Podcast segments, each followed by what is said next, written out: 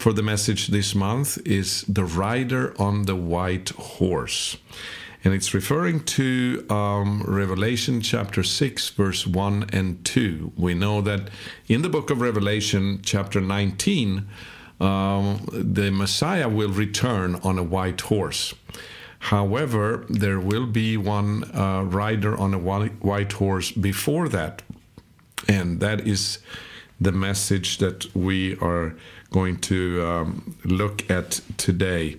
Now, last month, for those of you who heard our message for November, uh, I spoke about the signs uh, of the coming of the Messiah and we compared uh, the eschatolo- eschatological speech by uh, the Master on uh, the Mount of Olives, the, recorded in Matthew 24, and also Mark 13 and Luke 21.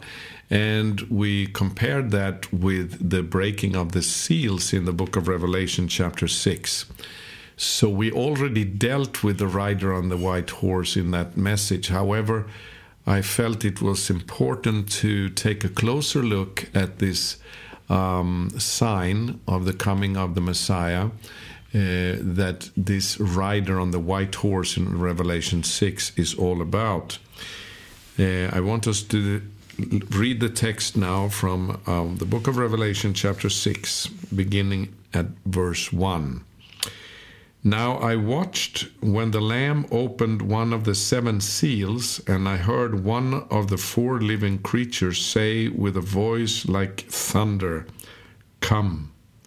And I looked, and behold, a white horse, and its rider had a bow, and a crown was given to him, and he came out conquering and to conquer.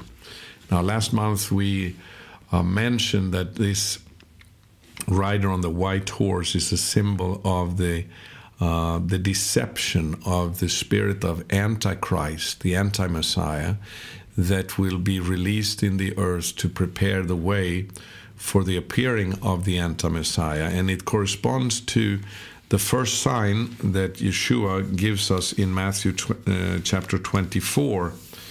Uh, I read there from verse 3 as he sat on the Mount of Olives, the disciples came to him privately, saying, Tell us, when will these things be?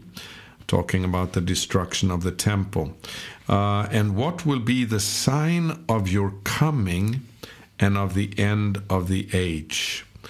And Yeshua answered them, See that no one leads you astray.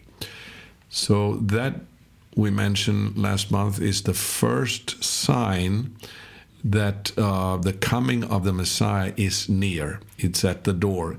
It is the sign that there will be a, a great um, deception that is going to sweep the earth in the end times.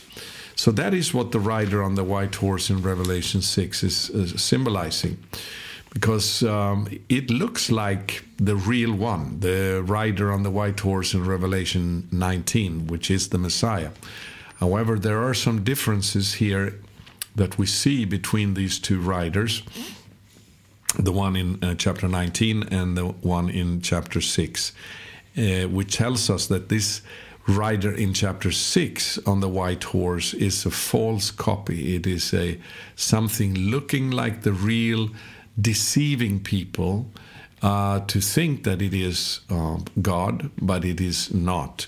And that's why the warning is given by Yeshua in Matthew 24 uh, make sure that no one will lead you astray. It's a very appropriate warning.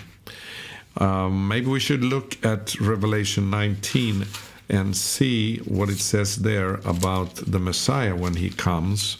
From verse 11 uh, then I saw heaven open, and behold, a white horse. The one sitting on it is called Faithful and True. It's the opposite of deception, in other words. And in righteousness he judges and makes war. And we'll read later on that he has. Uh, uh, uh, from his mouth comes a sharp sword, verse 15, which which to strike down the nations. However, the rider on the white horse in chapter 6, he has no sword and he